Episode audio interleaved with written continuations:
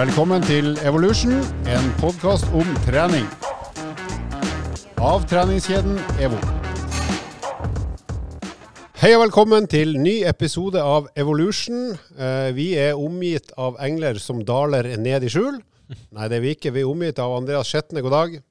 God dag. Lars Mæland, God dag. Dag. Det lyser i stille gender. Yes, det gjør det faktisk. Vær så god, Andreas. Jeg vil bare si at uh, når jeg gikk på Slattum barneskole, så sang vi 'Daler ned på Kjul', fordi Kjul er da et tettsted rett etter Slattum. Hvor er Slattum? Slattum er i Nittedalen, rett ved siden av Hagan, rett ved siden av Gjelleråsen, og da er du på toppen av Groruddalen. Da er vi jo rett ved siden av Sinsen, plutselig. ja, det er ikke langt unna. Rett til høyre for Sinsen. 14 km hvis du løper bort til uh, Storøkrysset, og så tilbake. Fra der Slattum. mamma og pappa bodde, til der jeg bodde på Storo. Nå er det innom brødbakken på veien. Stemmer det at Slattum har en Toyota-forhandler, eller har jeg sett feil? Det er riktig. Det står på noen skilter. Ja, det gjør det, Ja. ikke sant? Ja, men det tror En jeg bilforhandler, i hvert fall. Ja, men jeg tror det er navnet på forhandleren. Toyota. Jeg, jeg kan ikke Ja, japansk Nei, nei, men at det er, det er herr Slattum som selger Det er ikke Toyota Slottum. Eller Slattum. Ja, for det, det er i hvert fall ikke noen bilforhandler på Slattum. Det er en Prix der, men de selger ikke Toyota. Helt sikker. Ja, Lasse og Lenes i kjelleren leier ut videofilmer. da. Kanskje leier ut Altså, ikke kødd med det, for at den lokale sparebutikken vår, som er bitte, bitte liten, har begynt å selge klær. Ja. Altså ullgensere som eh, Janus? eh, Sa du I Eller? J? I eller J anus? Eh, Min eh, samboer, eh, ikke si det her Tom, men hun har faktisk blitt tatt i å kjøpe seg en ullgenser på Spar. På, på Ekeberg. Nå trodde du skulle si at eh, ikke si det til samboeren min, for du har kjøpt julegaven på Spar. Nei Da hadde jeg ikke kjøpt ullgenser. Men altså, Spar Krone 69. har levert en ullgenser til min samboer, eh, som hun faktisk har betalt for, og kjøpt i dagligvarebutikken Spar. Apropos Janus. Det er jo navnet på skurken i den beste James Bond-filmen. Mann med to ansikter. Nei, det er Nei. Golden Eye. Der heter jo uh, Alec Men hvor var heter han fra? Janus. Janus? Hvilket, eh, hvilket land? Eh, Balkan. Nei, ja, det var han fra Russland? Nei. Jeg tror det var Tsjekkia. Tsjekkia? Ja, det var Jeg lurer på det. Janus. Tsjekkoslovakia, da, siden det er en gammel film. Ja. Sannsynligvis. Men i den tsjekkiske delen av Tsjekkoslovakia. Bare før vi går videre, bare for å runde av. Vi har ikke gått videre. Nei, Favorittklippet til fattern fra James Bond, det er jo når han kommer akende ned i den cellokassa. Og så hiver han da celloen over bommen, og så sier han 'nothing to declare'. Det er Knut Skjetnes favorittscene fra James Bond. Og Knut, det er storebroren din, som også er faren din. ja, ikke sant? Sånn er det på Og Slattum. mor di. Men eh, det er jul snart, eh, og så er det i hvert fall desember. Vi er i gang med desember eh, 2021. Hvis du hører på i 2029, så er det her altså en 2021-sending. Og da betyr det at eh, diverse TV-kanaler begynner å sende julekalendere. Eh, så vi tenkte å mimre litt eh, kort eller langt tilbake i tid for å si noe om hvem, hvilke kalendere har vi festet oss med som vi syns har vært eh, enten morsom, rar eller på annen måte har eh, gitt et varig inntrykk i våre liv. Og da tar vi mannen med de store høreklokkene, Andreas. Hva er det du vil trekke frem av julekalendere som du har likt på en eller annen måte? Nei, altså jeg har jo en, en topp tre-liste. Men jeg har jo en runner-up òg, som jeg kom på akkurat nå. Den sure fjerdeplassen? Ja, Er det noen av dere som husker den derre eh, julekalenderen som gikk på jeg lurer på TV2? s- eh, Sveløyferja eller noe sånt? Nei, juleferga. Juleferja. Det er oppfølgeren til uh, en annen. Til en annen som er høyere på lista. Den var jo elendig. Ja, vet du, for den gikk bare én eller to ganger. Og så Eller om han ble tatt av. tatt av. Ja, for den var jo de samme som lagde en veldig kul en, som vi skal snakke om snart, som skulle lage en oppfølger, og den var jo en nedfølger. En nedfølger, ja. Det er. så eh, nummer Stor tre på min liste, eh, det er jo da en barne-TV-serie. Eh, og, og det er ikke eh, altså det, den der gode, gamle Blåfjell-serien, for det, det er lillebror sin, men Mhm. Amalies jul, Rødnissene, som på en måte leda Ja. inn til Blånissene, Ja, den, eh, det er en meget bra barne-TV. En varm julekalender. Den er, den er bra, faktisk. Meget bra. Men um, det er bare tredjeplassen, fordi uh, det er ikke bra nok. Så på, på nummer to så har jeg faktisk en ny en. den sure andreplassen. Sure andreplassen. Der har jeg mye sure Det er bare tredjeplassen som ikke er sur. første taperen, som Ja. Kjetil Andromot pleier å si. Første taperen. Så øh, der har jeg da Jul i Blodfjell. Ja, Det har kommet jeg ikke to, nei, det kom jo en for øh, to år siden, og så kom det jo en ny en i fjor. Hvis ikke jeg Og det er jo i kategorien eh, humorkalender for folk med humor og over åtte år iallfall. Ja, og, og da er det jo en person som ryker hver dag, da, ikke sant, som blir tatt livet av, og så står det igjen med historien til slutt. Og Det som er veldig kult, da, det er jo at eh, det er lagd liksom som om det skal være skikkelig ordentlig, og så er det jo bare kødd hele tida. Og så er det jo med en del eh, kjente folk. Så jeg syns det var ganske morsomt. Men eh, uansett hvor bra det er, når aldri opp til nummer én, og det er eh, vinneren av alle julekalendere. Det er jo eh, det julekalender. Den selveste. Ja, fy flate. Altså, eh, med Olav Sands rista potetflak. Olav Sand, jeg står under misteltein. Olaf! Ja, fy flate. Eller eh, Jeg skal ut og blæste ut belgen. Altså, vet du hva, det der er En kongekalender. Ja, hva er det han heter, han skumle? Benny? Ja, Benny, ja. Ja, fy flate. Hva er det han sa igjen hele tida? Han sa jo en ting. Eh, om jeg kommer på det etterpå. Det, du, hvis det kommer noe som høres ut som Tourettes Bob, Bob, Bob, ikke sant? Bob, ja, stemmer det. Ja, fy flate. Der. For en Ja, den, er den er morsom fortsatt. Ja. Egner seg godt på forspill. Mm. Særlig hvis du tar mange episoder på rappen, for da får du jo Ja, for de varer var jo bare et mye. kvarter. Ja. Ja, de varer jo altfor kort. Og så jæklig skummel den der eh, introen, da. Herregud, det var jo Fy flate. Ja, du var jo nyfødt du første gang jeg gikk, på 90-tallet. Ikke sant. Men eh, det tok jo meg og mine venner ganske lang tid å skjønne at eh, Gjertrud er jo en mann. Er det sant? Så det Men uh, foodprosessor, det ble det læl.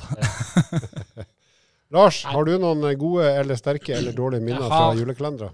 Jeg støtter jo den uh, lista der for så vidt uh, til de grader. Uh, og det julekalenderen kom jo ekstremt høyt opp med å legge til én ting, og det er jo nissen på låven. Morsom, men òg eh, tradisjon, for å si det sånn. Eh, og så har jeg et juleshow av alle ting som er fantastisk å ta med seg, og det er Putti Plutti Plott. Som jeg vokste opp med i alle år, altså tilbake på 80-tallet, eller 90-tallet, det tipper jeg første gang jeg var på det showet. Selv om det ikke er en julekalender, så er det juletradisjoner. I og med at lista til Andreas var så lang, så tar jeg med Putti Putti Plott. Ja, det er mange som har sett den. Det har Ja. vel uh, gnagere mine sett, men jeg har, aldri, til før jeg må finne. jeg har sluppet å vært med hver gang. Jeg har alltid vært småsjuk. Så eh, en annen uh, deltaker hjemme som har vært med der en tre-fire ganger. Heldige. Men det er god stemning. Har du noen? Ja, jeg er jo født på 40-tallet. Jeg er jo faktisk et krigsbarn, tro det eller ei. Så jeg har sett Jul i Skomakergata versjon 1, som eh, ble sendt på NRK. Eh, Den eneste TV-kanalen i hele Norden på 70-tallet. Eh, I 1979 gikk den for første gang, og det er jo en klassisk julekalender som er primært hyggelig. Og som vel primært har et veldig ungt publikum, så jeg var jo sju år den gangen. Så jeg syns den var Den, den syns jeg var hyggelig å se på helt langt, til langt ut på 80-tallet. Og nå er det mer sånn nostalgi, men det er, det er fortsatt en veldig hyggelig julekalender. Så den har festa seg, for det var den første jeg så. Og det var stort sett det eneste jeg fikk lov å se på TV det året der. Det var kunne se. Jul i Skomakergata. Pluss eh, vignetten til Dagsrevyen klokka 19.30. Så den uh, syns jeg uh, har satt varige spor i en sart sjel. Vi skal snakke om noe ganske interessant i dag. Vi skal snakke om forbrenning i ulike faser av livet. Men før vi gjør det, så må vi ha en kunstpause for å ta en liten uh, kaffeslurk. Så da blir det en liten lyd.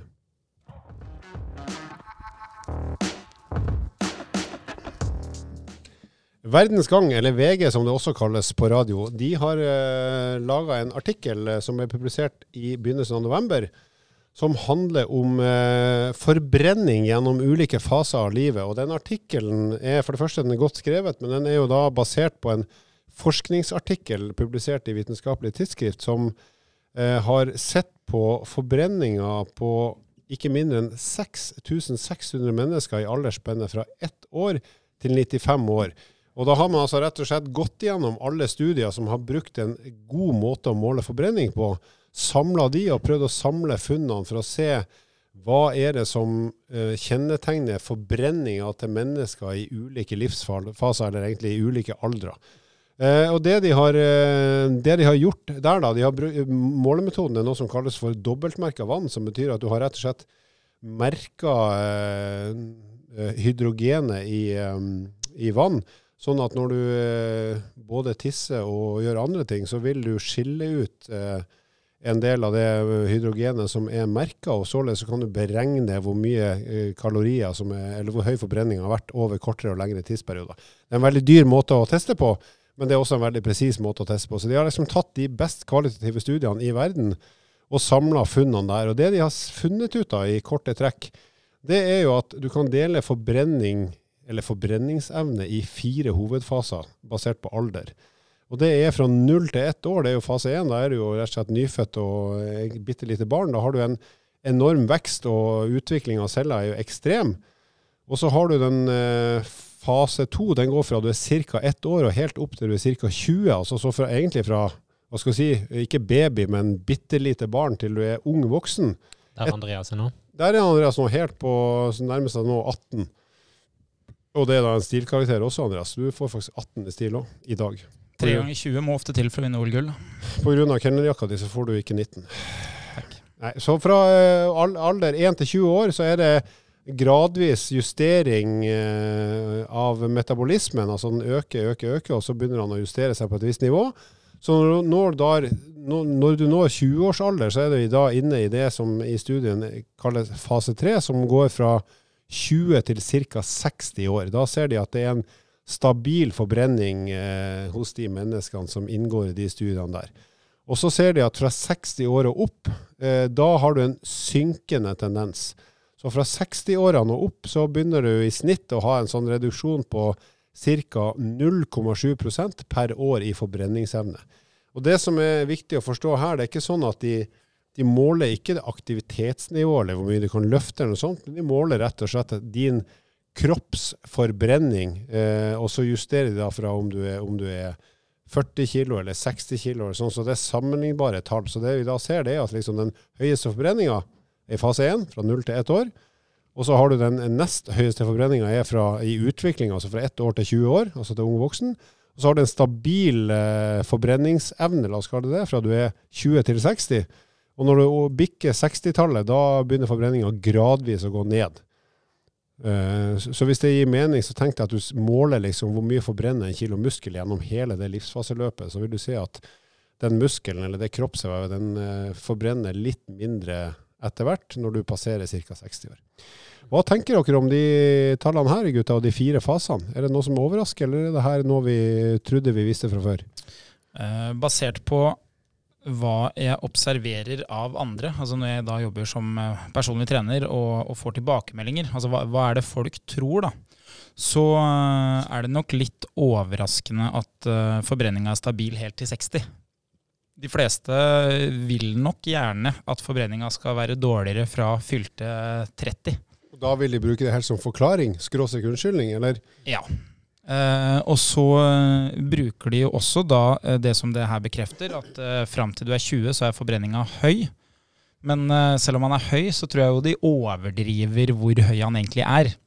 Uh, men det som er fint, da, det er jo Jeg, jeg liker jo ting som er logisk, og, og ting som er selvforklarende og forståelig. Og det man ser ganske godt, da, det er jo at utvikling, det koster. Ikke sant? Så et spedbarn som skal utvikle seg til å bli et uh, menneske på en viss størrelse, det koster fryktelig mye energi. Og det ser man jo helt fram til man er 20 år, så er jo de fleste kropper i en form for utvikling hvor du skal gjøre en del ekstra ting enn å bare opprettholde. Og så har du jo da den fasen hvor du opprettholder, og den varer jo, ikke sant. Eh, som man da kanskje ikke har trodd, men den varer faktisk helt til man eh, passerer 60. Og så ser man jo at eh, etter at man er fylt til 60, så vet man jo at fornyelsen av cellene skjer i en litt lavere hastighet. Og det er jo også noe som kan indikere at kanskje forbrenninga ikke trengs i like stor grad, eller at den ikke klarer å opprettholdes i like stor grad. Men det som er viktig for meg å poengtere da, når vi ser den lista her, for det er jo en ting som veldig ofte glemmes, det er jo at vi ser jo ikke på hva aktivitetsnivået er. Så, Nei, så, og, det er jo og det er ikke målt i det her, for det er jo mange mange studier som er samla sammen og har liksom trukket ut resultater fra mange studier. Så, der, så i alle de studiene som inngår her, så har jo folk gjort veldig forskjellige ting. Fra ingenting til massetrening. Så det, så det er et godt poeng. Men med det sagt, selv om man ikke man kan ikke si sånn at ja, men barn beveger seg jo mer, så derfor så har de høyere forbrenning. Men det ligger nok noe i det. Og det er at hvis du hadde kategorisert de gruppene her, så ville du nok sett at de som er mellom null til ett år, de, de kan ikke være med her, da, fordi eh, mest sannsynlig så går det ikke. ikke sant? Men de har jo da en enorm fornyelsesprosess. De kan ikke snakke engang. Nei, de kan ikke snakke heller, vet du. Men de har en enorm fornyelsesprosess som vil dra opp et for veldig høyt forbrenningspotensial. Mens de som er etter 20 år, de er nok også de som er mest aktive. Så hvis du ikke ser på aktiviteten de gjennomfører, men du ser på hvilken type kropp har de basert på hva de gjør til vanlig, så er det nok statistisk stor sannsynlighet for at de mellom 1 til 20 egentlig er i ganske god fysisk form. sammenligna med kroppsvekta si. Mm. Det vet vi at har en fordel i forhold til forbrenning. Og så ser man jo da i motsatt ende at det er stor sannsynlighet for at de kroppene som er over 60 år, ikke har det samme eh, behovsgrunnlaget for aktivitet som de som er 1-20. Så sånn er det større behov for å sitte og ligge. ja, ikke sant? Så sånn sett så kan det jo være at man påvirker det eh, uten at man finner det i, i studiene, fordi det er grunnlaget for det materiellet man kan måle. Da. Det, jeg syns er spennende her, er jo at det er aldri for seint. Altså, så har man ikke et argument som tilsier at man har noe å skylde på. Det er aldri Det er- for sent før du er 60, Nei. i hvert fall. Da, da er det noe annet du må begynne med. Og så er det jo det at poenget bør jo være at, eh, at man bør trene hele veien. Det vil si det at trening og kosthold faktisk har noe å si i forhold til resultatet. Og det er jo det som vi jobber veldig nøye med å, å understreke, at det er jo det som er viktig for eh, ja, satt litt på spissen, god helse. Og hvis man ønsker å få utbytte av forbrenning og vektreduksjon potensielt, så må man trene, og man må ha et eh, bevisst forhold til kosthold.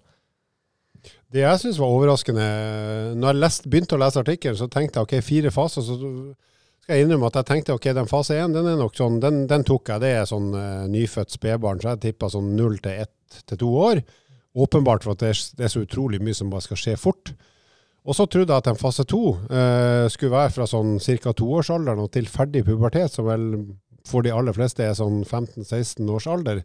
For min del 23, men for de fleste rundt 16. Så den, den fasen, fase to her, som er fra 1 til 20 år, den hadde jeg trodd var kortere. Mm. Og så hadde jeg trodd at en fase tre, som i den studien her eh, sies å være fra 20 til 60, den hadde jeg tippa skulle stoppe på 35 til 40 år. Eh, basert på min tanke om at når du er 35 til 40, så har du egentlig på mange måter satt deg i livet, i forhold til at du typisk kanskje er i, om du ikke er i fast jobb, så har du i hvert fall en fast rutine som sannsynligvis innebærer litt mindre bevegelse enn når du er yngre. Mm. Eh, og at det er flere ting som holder deg borte fra aktivitet, enn som drar deg med på aktivitet. Altså at du enten må du passe på noen unger, så må du jobbe seint. Altså du får mindre frihet og mulighet eh, til å bevege deg. Så, så jeg ble overraska over at den der, særlig den fase tre var så lang, altså fra 20 til 60 år. Det, det var rett og slett eh, veldig overraskende for min del. Ja, for det, Man tenker jo ikke på en 20-åring og en 60-åring som at de har samme utgangspunkt. Eh, og det har de nok ikke heller, fordi 20-åringen kommer jo da fra gruppa eh, 1 til 20. Som gjør at de gjerne har vært eh, nettopp fysisk aktive. Eh, kanskje tvungent fysisk aktiv gjennom skolegang f.eks. De har hatt gym, de har kanskje dritt Strenge foreldre. Ikke sant? Mens eh, 60-åringen har kanskje kommet fra eh, 40 år uten aktivitet. Så sånn sett så vil det jo være forskjell. Men en av de tingene som jeg eh, tenker på når vi ser det her, eh, i forhold til det som en personlig trener jobber med daglig, det er jo at de personlige trenerne de, de jo ikke de driver jo ikke mentaltrening egentlig. Men veldig ofte så jobber de jo også med det mentale aspektet i forhold til folks oppfatning av fysisk aktivitet. Og jeg pleier å skille mellom to ulike grupper, hvor jeg egentlig ønsker å få alle inn i den ene gruppa. Og da har du de som søker kunnskap for å finne årsaken til at de må gjøre noe. Jeg vet at når jeg blir eldre, så er det stor sannsynlighet for at eh, muskelmassen ikke er det den bør være. Derfor bør jeg være regelmessig fysisk aktiv, sånn at jeg har muskler når jeg blir Snakker eldre. du om deg sjøl nå, eller kunder? Jeg snakker om deg, faktisk. Har ikke jeg, har ikke jeg nok muskelmasse til å være 69? jo da, det er det faktisk. Det er kasse, i hvert fall. Det er det faktisk. Så, men eh, hvis du ser bort fra deg, da, som er i eh, Du er definitivt i, eh, Fase fire. i fase fire. Du er i gruppa eh, søker kunnskap til hvorfor du må gjøre noe. ikke sant? Ok, Men du aksepterer at sånn er det, derfor må jeg gjøre det. Ikke noe problem. Det er kjipt, men jeg gjør det.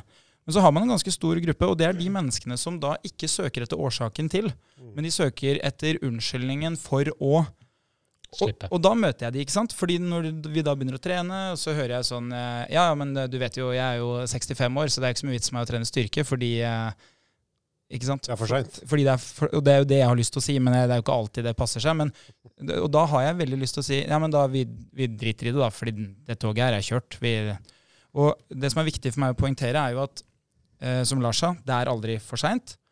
Og så er det sånn at det som du kan påvirke, vil nesten alltid, for de fleste mennesker, være mer enn differansen. Sånn at en godt trent 70-åring vil mest sannsynlig være mye bedre trent enn snittet av 20-åringer. Mitt, mitt mål som syklist er jo å være så god når jeg er 80 at jeg kan sykle fra folk tur-retur tur, Moss, eh, som er 40-50 år yngre enn meg. Og det er jo det de fleste ikke Med har samme drakt som i dag. At det er jo mulig. Ja, men de, de fleste tenker jo ikke på det. At de, de tror, Jeg skal være han 40-åringen, bare by the way. De tror jo at, eh, at liksom, eh, den formen du får av å være i den alderen du er, er førende. Men eh, fysisk aktivitet påvirker jo formen din i så stor grad at du får jo egentlig bare som fortjent. Så for meg da er jeg jo bedre form i dag enn når jeg var 17 år og drev med tre ulike aktiviteter. Og det tror jeg ikke de fleste forstår, at eh, påvirkninga av hva du gjør er så sterk at den, den endrer på en måte de uh, føringene som Nå er det bare seks måneder siden du var 17, da, bare for å si det til lytterne. Ja, det er ikke så lenge siden. Nei, ikke så. Du så på Andreas når du snakka om puberteten, så jeg Definitivt. Eh, Det handler litt òg om eh, altså, evnen til at man Hvilke krav da som stilles for at man skal opprettholde en form, altså både i forhold til muskelmasse og aktivitetsform. Man sier jo ofte fra rundt 35 til 40 så går det i utgangspunktet nedover. Eller det krever mer for å vedlikeholde. Um, og så er det en del andre faktorer som skal være med inn i bildet her, og det er jo på cellefornyelse osv. som som kan påvirke restitusjon og, og fremgang osv., som gjør at man kanskje kan kreve, eller må legges ned litt større arbeid for å få den fremgangen. Men da kan du ha i bakhodet at eh, selve forbrenningen den ligger jo til grunn der, så du trenger ikke å eh, i gåsetegn bekymre deg for den delen. Og er det sånn at du da ikke har eh, vært spesielt aktiv, enten du da er 15, 20, 30 eller 70 i, i lang tid, altså kanskje flere år, så vet vi jo det at det å få fremgang går jo utrolig mye fort, fortere hvis du ikke er i god form. Mm. Så igjen, da, det er ikke noe grunn til å tenke at eh, nei, nå er jeg i dårlig form, så da er det ikke noe vits å prøve, for det, at, jo det blir ikke bedre uansett. For det blir jo bedre uansett hvis du gjør mer enn du har gjort fram til dags dato. Ja. Det vet vi jo, og det går jo fryktelig fort uansett alder. Ja. 0 til 1 er 100 det. ja. Så Andreas har jo en gnager nå. Hvor gammel er gnageren din nå, Andreas? Seks måneder. Seks måneder, ikke sant? Så hun har, et, eh, hun har seks måneder igjen av den beste perioden av livet hennes. Hva har du tenkt å gjøre med det som ansvarlig far? Uh, nei, jeg har jo observert det at inntaket er jo enormt sammenligna med den kroppen. Altså når jeg uh, f.eks. da eh, gir grøt Hvis jeg hadde gitt uh, grøtskjeer på det nivået til deg, Halvor, da hadde vi truffet begge øra samtidig. og panna. Jeg kan fortelle bare, apropos det her og kapasitet til å spise. Elsedattera mi, da hun var tre år gammel, så var hun veldig glad i wienerpølse. Og da spiste hun tre wienerpølser på jeg tror det var ti eller elleve minutter. Og da var hun altså Nå må jeg bare tenke meg, jeg mener hun var 13 kilo eller noe sånt. Og så bare tenkte jeg etter, og så fikk hun ble jo skikkelig dårlig etterpå, for det var jo altfor mye mat på en så liten kropp. Og så tenkte jeg etterpå, når jeg så at hun var dårlig, så begynte jeg å lure på hva som har skjedd, men jeg skjønte at jeg hadde spist så mye pølser på, på kort tid. Og Da begynte jeg å regne på hvor mange pølser jeg da måtte ha spist med min kroppsvekt, og liksom utsette meg sjøl for samme mengde. Og den gangen var jeg 90 kilo, så da måtte jeg jo ha spist ja, par og 20 pølser da på 12 minutter for å liksom utsette meg sjøl for det samme som hun hadde gjort. Og da er det klart det er en kortvarig glede. Så jeg skjønner jo at det kan bli litt meget eh, også for en sulten unge, hvis det går for mye mat inn i kjeften på for kort tid.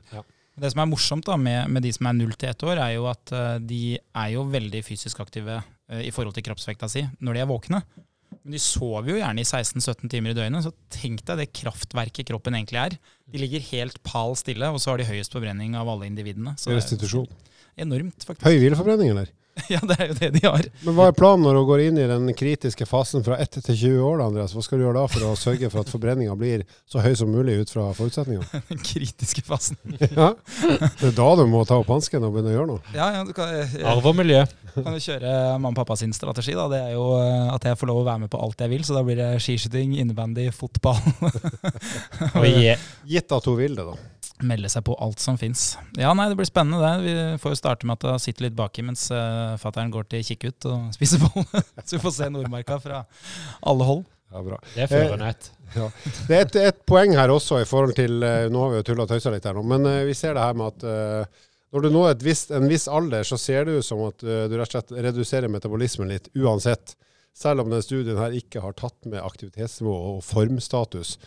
Eh, Men det, det vet vi at det er et faktum. Men da er det klart at der òg kan jo aktivitet, bevegelse og trening være et kompenserende tiltak. da, For hvis du da er 5, 6, 67 og eh, på et eller annet fysiologisk vis begynner å ha litt lavere metabolisme eller forbrenning eh, enn det du har hatt i yngre dager, så er det jo enten justering av matinntaket, og eller at man kanskje kompenserer med å øke aktivitetsnivået, i hvert fall hvis du ikke har vært veldig aktiv fram til den alderen der.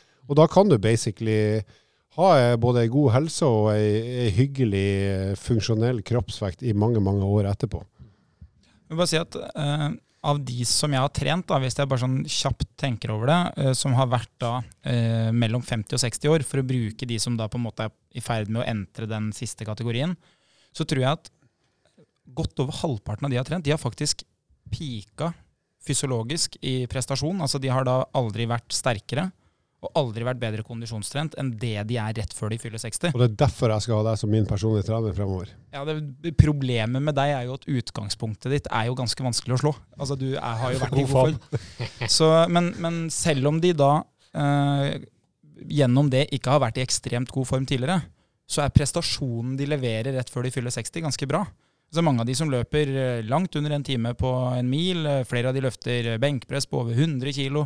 Altså det er ganske gode prestasjoner de leverer, og at de da på en måte er i sin beste fysiske stand når de er 60 år, viser jo bare hvilken påvirkning fysisk aktivitet kan ha, da. Hvis du bare systematisk gjør det over tid. Da. Jeg kan jo nevne min utmerkede mor, som er den samme som, jeg snakket, som sist gang jeg snakka om. Hun begynte jo å jogge når hun var 3-4-65, og det hadde hun aldri gjort før. Hun har alltid vært aktiv, men hun har aldri trent. Og da fikk hun en superopptur.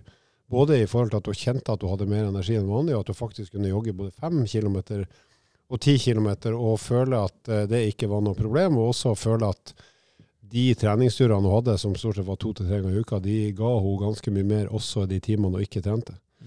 Og hun hadde egentlig ikke, altså Trening for har aldri vært et tema. For hun har aldri sett på det som nødvendig eller noe spesielt interessant, men plutselig så var det et eller annet der som eh, vekka gnisten i, og så fikk hun til å bevege seg.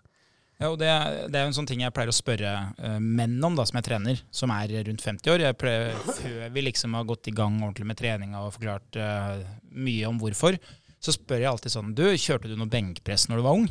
For det gjør de fleste, ikke sant? Og da svarer jo alle sånn Ja, ja, jeg var veldig god i benkpress. Det er jo klassisk manneting. Alle har vært veldig gode. Og så spør jeg alltid sånn Ja, hvor mye løfta du? Og da sier de jo gjerne tall som de De, de aller fleste menn, de, de, legger jo på 10 kilo, så da Nei, jeg løfta 80 kilo. Og da er det så kult, fordi de husker ikke at jeg har avdekt det. Så når jeg henter det opp igjen kanskje et år eller to seinere og sier vet du hva, du er jo sterkere nå enn det du var når du var ung, og da mente jo du at du egentlig var ganske god, så, så er det en veldig sånn Du kan liksom se det på dem, at, uh, at de blir ganske prega av å skjønne at oi, jeg, faktisk, jeg, jeg, er 60 år og sterkere enn det jeg var når jeg var 17. Eh, og da har du jo trodd at de egentlig var i ganske god form. Så det, det er morsomt at det går an. Da. Og da toucher du inn på et uh, veldig sentralt emne, syns jeg, som vi skal ha med oss i bakhodet. Det er jo den mentale motivasjonsboosten man får ved å kjenne seg litt bedre i form. Altså aspekter rundt det, kall det ja, psykologiske, rett og slett. Um, som man ikke bør undervurdere, hvor viktig det er både i hverdagen i forhold til både energi og, og mestring og ikke minst det å ha motivasjon nok til å gå på en ny økt når man føler seg litt mer sliten. Så er det et viktig poeng her til alle lyttere, enten du er ung eller ganske gammel eller veldig gammel, så er det jo sånn at i, i takt med at du blir eldre, så er det ikke sånn at du nødvendigvis blir skjør og porøs. Ikke sant? Nummer én, det er aldri for sent å begynne å trene, og du kan sannsynligvis bli både ganske sterk og få ganske god, god, god kondisjon, enten du er 40, 50, 60 eller 70. Det er bare at du må gjøre noe for det i form av litt smart trening, og da skjer det ganske store resultater. Altså. Ja, du er jo eh, Nå er jo du nesten midt i den der eh, fase tre. Peak. Eh, så det spørs om du kanskje er på vei ned, egentlig. At du er litt sånn ikke-representativ. Ja. Eller om du ikke er det. Ja. Men frykt ikke, Lars, hvis du føler deg gammel. Hver gang du tenker at mm, jeg er gammel, tenk på at Olav Thon han var der i 1814 eh, og skrev under. Og han går fortsatt skiturer i Nordmarka. Med stygg lue. Olav Thon også, han er sikkert 250 år gammel. Tror du han har tona den lua si sjøl? Helt sikkert.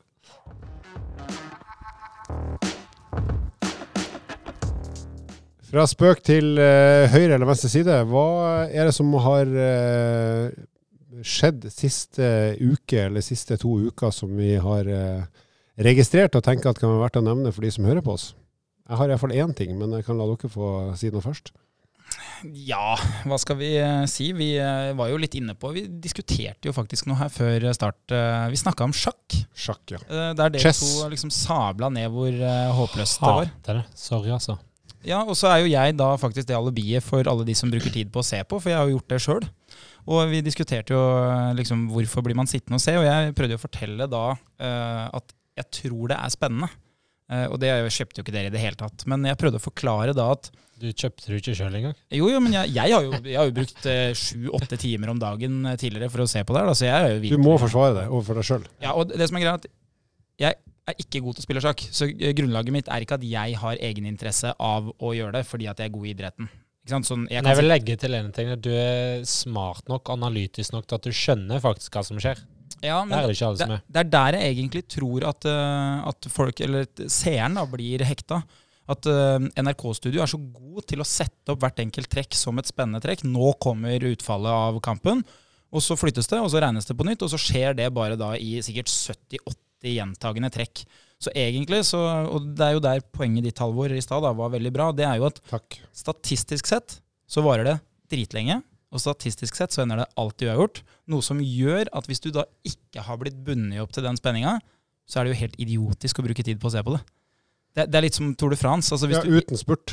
ja, hvis du ikke er interessert i å se syklinga før spurten i Tour de France, så må du ikke skru på TV-en før klokka fem. du, det, det er liksom som at også Forresten, når det blir spurt, så tar vi bare bort eh, TV-sendinga.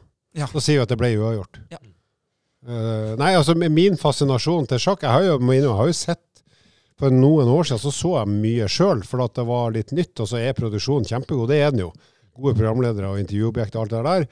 Men sånn som nå, nå har de jo spilt uavgjort, i når vi snakker nå, for sjette gang i VM i 2021. Så hadde de 14 uavgjorte matcher eh, i slutten av forrige VM. Så nå har du sånn 20 uavgjorte matcher, eller remis, da, som det heter på Det er et herrenavn. Men uh, som det heter på sjakkspråket, ikke sant. Så 20 uavgjorte på rad. Så, tenk, så syns jeg det er litt overraskende at fortsatt så mange syns det er fascinerende å bruke mange timer på det spillet, selv om han som er god er norsk, og selv om NRK er god til å produsere. Så, så syns jeg fortsatt det er rart, når det er så mange andre ting som har ganske mye mer eh, action og uforutsigbarhet av idrett, f.eks., som har langt færre seere. Så det, jeg syns det er litt rart. Så jeg skjønner Jeg kjøper argumentene dine, men jeg syns fortsatt det er rart at det er så mange som syns det, at det er fascinerende. Ja, og så tror jeg jo kanskje at noen av de føler at de får innsikt i noe som de anser til å være veldig veldig vanskelig. da. Så man føler jo at man skjønner det fordi NRK gjør det sabla enkelt å forstå. Men uh, Remi, for øvrig fornavnet til noe skvip du får kjøpt på polet. Ja, med, med Y. er det med Y. Ja. Remi Hereide var en god skøyteløper. Han hadde Remi med I. Martin var var ikke så god på skøyter. Var han fra kom, Ja, fra Stord, ja. Ja. Samme I hvert fall, kjæreste? eh, ja, han konkurrerte eh, samtidig og litt grann etterpå. Eh, det, jeg er helt enig i egentlig alle analyser. Jeg syns det er pisse kjedelig, men det er bare min subjektive mening. Men eh, noen av idretter på TV har jo noe å lære sånn oppbygningsmessig, statistisk, og det å bygge opp under stemningen, og ikke minst eh, at man får et innblikk i hva de potensielt kan tenke. Men det er for statisk, det er for det, lite det, som det som er rått for min del, at jeg, jeg satt jo og ble fascinert, for så vidt. Men det er jo sånn med For hver gang et trekk kommer, så tenker jeg bare å ja, det skjedde nå. Men jeg har jo aldri klart å forutse det sjøl, for jeg er jo for dårlig i sjakk til å tenke at sannsynligvis så gjør han det eller det eller det. Det har jeg aldri truffet på. Da er det bare flaks. Og jeg tror jo de fleste er i min bås at de har jo ikke anelse. Men gode kommentatorer gjør at de kan forklare trekket sånn at du blir lurt til å tro at du egentlig skjønner Mm. hvorfor det var smart. Men du har jo ikke sjanse til å få forutse neste trekk igjen, for da er du like dårlig.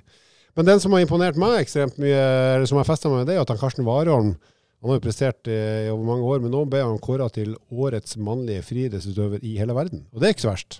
Ja, det er applaus. Og vi vet jo hvorfor. Han satte jo en verdensrekord som er helt hinsides. OL-gull. Og ja, så Han har jo prestert ekstremt høyt, men det å få den utmerkelsen fremfor alle de andre idrettsutøverne i, i friidretten, det er ganske heftig. For 400 meter hekk har jo fram til de siste årene ikke vært den kuleste øvelsen på TV, iallfall.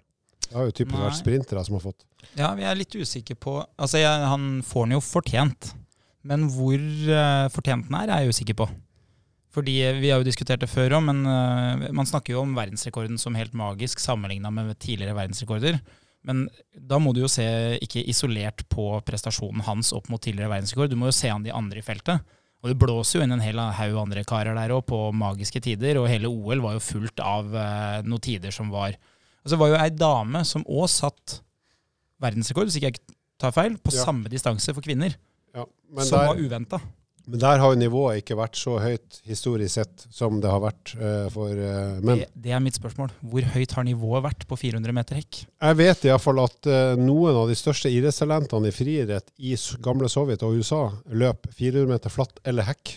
Ja, for 400 meter flatt. For, for, for 400 meter flatt, det her er jo i dopingtida. så Husk på det, de verdensrekordene er jo fra dopingtida, og de er jo på øvelser som er Altså det, det, er så høyt nivå på de verdensrekordene fra gamle dager som ganske sikkert er tatt med dop, fra nasjoner som har ressurser til å både dope bra og trene bra, og har en ganske stor utøvermasse å ta av. Så jeg, jeg tenker jo at den prestasjonen der er ekstrem, men det er klart uh, Usain Bolt sin 100-meterrekord er jo enda mer eksepsjonelt, f.eks. når han sprang på 9,58 i Berlin, var det ikke? ikke sant? Sånn i forhold til de han har konkurrert mot. Men jeg, jeg syns den står seg veldig godt, fordi at han fordi at den rekorden er satt uh, av utøvere fra en nasjon som har lang tradisjon for å avle gode utøvere og gjerne bruke litt ekstra. Ja, nei, jeg, jeg, bare prøver å putte følelsene til side og se litt på det rent statistiske. og Der er det jo sånn at han er jo selv om han mest sannsynlig kunne løpt OL-finale på 400 og mest sannsynlig tatt medalje, og basert på litt utregninger,